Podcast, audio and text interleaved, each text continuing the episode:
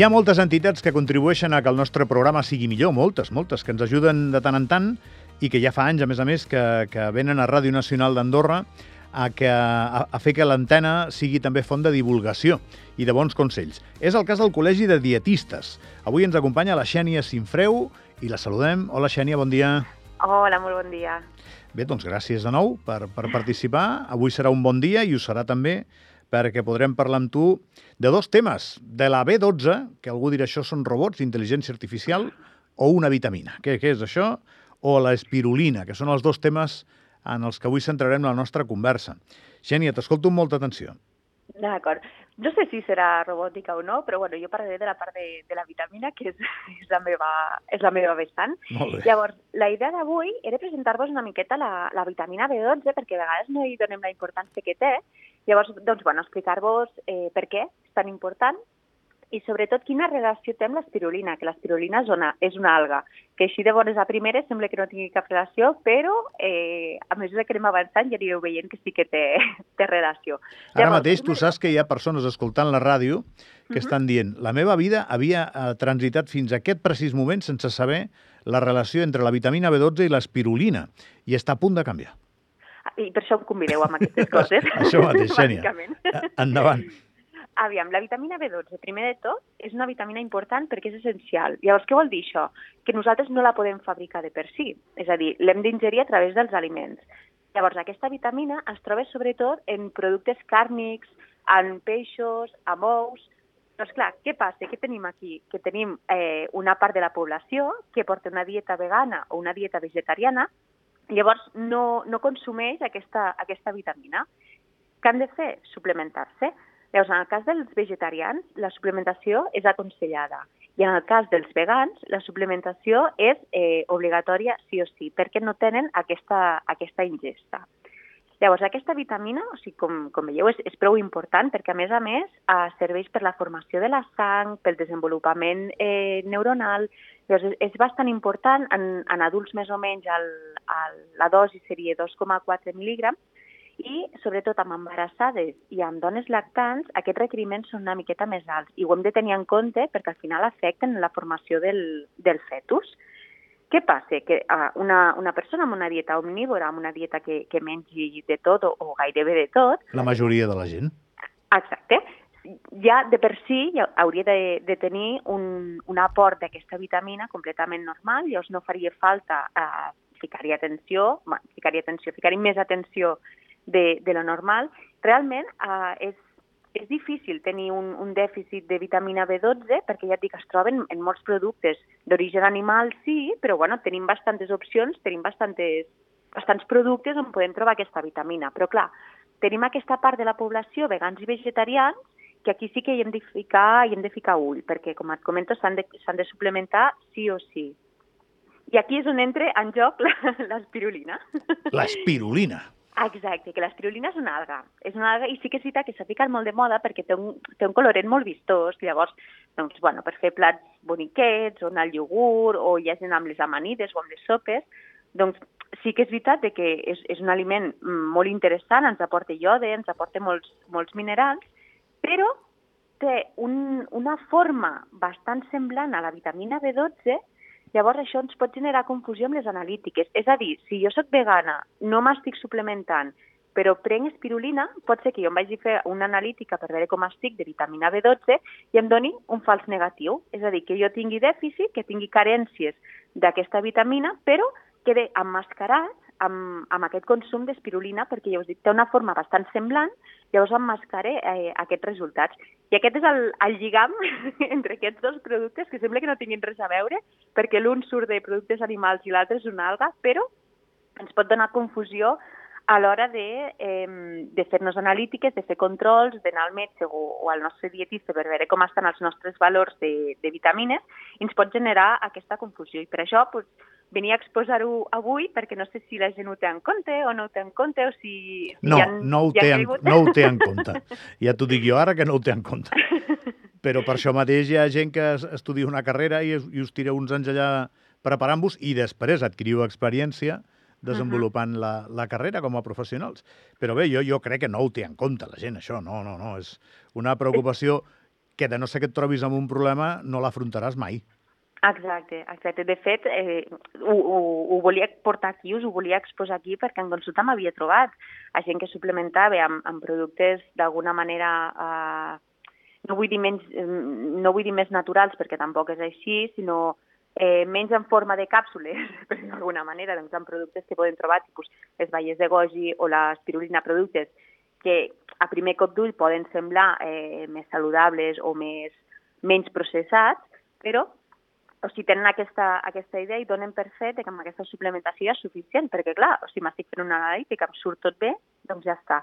Llavors em trobava amb gent que tenien dèficits i al final és una vitamina important, perquè és el que et comento, eh, intervé en, en, en la replicació de l'ADN, en formar sang, en el, el teixit neuronal. Llavors, és important, és important no tenir, no tenir cap dèficit i saber doncs, si, si és un fals negatiu o no. Llavors, que sapiguem que l'espirulina no és que sigui dolenta, eh, ni molt menys.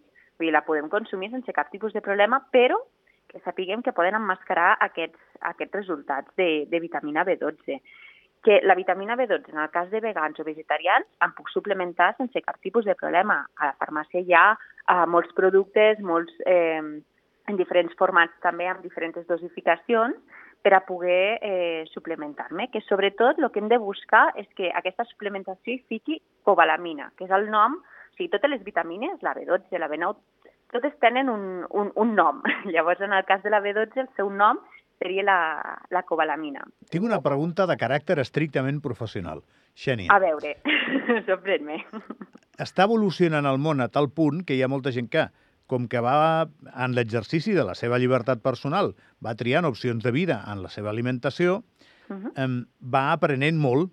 I no sé si t'estàs trobant d'un temps cap aquí amb persones que gairebé saben més que tu, de, de llegir 3 milions d'etiquetes cada setmana de components, de vitamines, de suplements, perquè tinc la sensació que això està evolucionant. Hi ha, hi ha molta gent molt versada. Sí, sí, sí. El problema és que tanta, tenir tanta informació a l'abast no sempre és fàcil de discernir la que és una informació veraç o verídica d'una informació més dubtosa. Aquí va la professional, aquí entra la professional. Aviam, tots tenim accés a internet, a la intel·ligència artificial també, també hi fica, hi fica cullerada, és molt fàcil de trobar qualsevol tipus d'informació, però clar, hem de saber eh, d'on surt aquesta informació, eh, qui hi ha al darrere, eh, quines empreses o qui escriu, mm, si és un post o si és eh, un estudi científic. Vull dir, hem de, hem de diferenciar molt d'on traiem aquesta informació i sobretot, sobretot, de tenir l'acompanyament d'un professional, que al final, doncs, bueno, és, és part de la nostra feina també de, de ficar una mica de llum, perquè sí que és veritat de que cada vegada hi ha més informació, això és, això és cert. També ha augmentat molt la preocupació o, o l'interès que, que té la població en, en el que menja, en els productes que menja. Hi ha molta gent també que, que tira cap a la vessant d'una alimentació vegana o, o vegetariana o simplement amb un tipus de, de restricció, ja sigui per, pel que sigui, eh? o sigui per motius ètics, per motius de salut, pel que sigui. Llavors, hi ha una gran part de la població que està agafant aquesta, aquesta vessant i sí que cada vegada es llegeix més, cada vegada se'n sap més coses, però eh, la sobreinformació no vol dir que sigui informació certa. Llavors aquí sí que aconsellaria sobretot mirar les fonts, mirar d'on surt aquesta informació i poder tenir el recolzament d'un professional que, bueno, que pugui resoldre els dubtes que puguin anar sorgint. Vaig treballar amb dues persones veganes eh, l'any passat, espor esportistes, uh -huh. i, mhm. i d'alt rendiment, eh? I feien, eh? O sigui, se'n sortien. Sí, a veure, sí, sí, sí són, són, són gent que poden, o sigui, no tenen cap tipus de, de restricció ni en, ni en cap activitat. Sí, però tu saps que la convenció, la convenció, el que primer diria algú no versat, i sobretot, evidentment, no professional com tu, és bueno, et, et faltaran complements, et, et faltarà, per tenir força i potència, et faltarà menjar alguna altra cosa més. I no, no, tiraven, eh? Tiraven. Sí, també és veritat que està molt, està molt mitificat. Eh? No sé si, no sé què en penseu vosaltres, però també és veritat que hi ha el mite aquest de que els vegans i vegetarians només mengen enciam. Mm, no, mengen moltes altres no, coses. No, mengen, mengen altres coses, però es priven d'unes quantes coses uh -huh. de les que nosaltres, eh, la massa crítica, eh, tenim classificades com les coses que donen potència, aliments d'aquests que et donen sí. la força, no? I, uh -huh. I bé, quan veus en acció esportistes del nivell que tenen força, doncs assumeixes que l'alimentació és, eh, bé, bé, té una diversitat d'elecció molt gran. Exacte, i pot ser equilibrada perfectament una dieta vegana o vegetariana en quant a l'aport de proteïna, sobretot, que és potser la part que, que més preocupa o la part que més s'ha de quadrar, poden, o sigui, poden cobrir tots els seus requeriments proteics sense cap tipus de problema. Sí que és veritat que llavors s'ha de quadrar, s'ha de mirar i, i perquè sigui tot per arribar amb aquests, eh, amb aquest requeriment, que aquí sí que l'acompanyament d'un professional sempre, sempre fa la vida molt més fàcil en aquest sentit, però les opcions són, són moltíssimes. De fet, hi ha molts productes vegans i vegetarians. Cada vegada n'hi ha, ha més d'aquests tipus de productes i cada vegada es busca eh, un perfil eh, nutricional, un perfil proteic, un perfil que sigui el eh, més òptim possible tant per poder absorbir aquesta proteïna com per poder aprofitar-la. Llavors, cada vegada s'estan buscant més coses, s'està estudiant més. Els vegans i vegetarians tenen moltíssimes opcions, tenen els recursos de les llegums, tenen molts recursos que potser no, no se sap tant des de la part més, més omnívora, per dir-ho d'alguna manera, però perquè nosaltres, o sigui, ten, és, són dues visions diferents. I eren I gent, que, gent que reia, que aquests dos vegans estaven, estaven de bon humor. perquè jo els deia, com podeu estar de bon humor amb la dieta que porteu? I no, no, estaven de bon humor. Oh, clar, perquè no només mengen enciam. Llavors, llavors és normal. Xènia, que no li robem més temps als teus pacients. Que, que moltíssimes gràcies per, per atendre'ns a vosaltres, com sempre, ja ho sabeu. I que vagi molt bé. Fins la següent, fins la propera. Igualment. Gràcies. Adéu, adéu. Xènia Sinfreu, del Col·legi de Dietistes. El programa continua.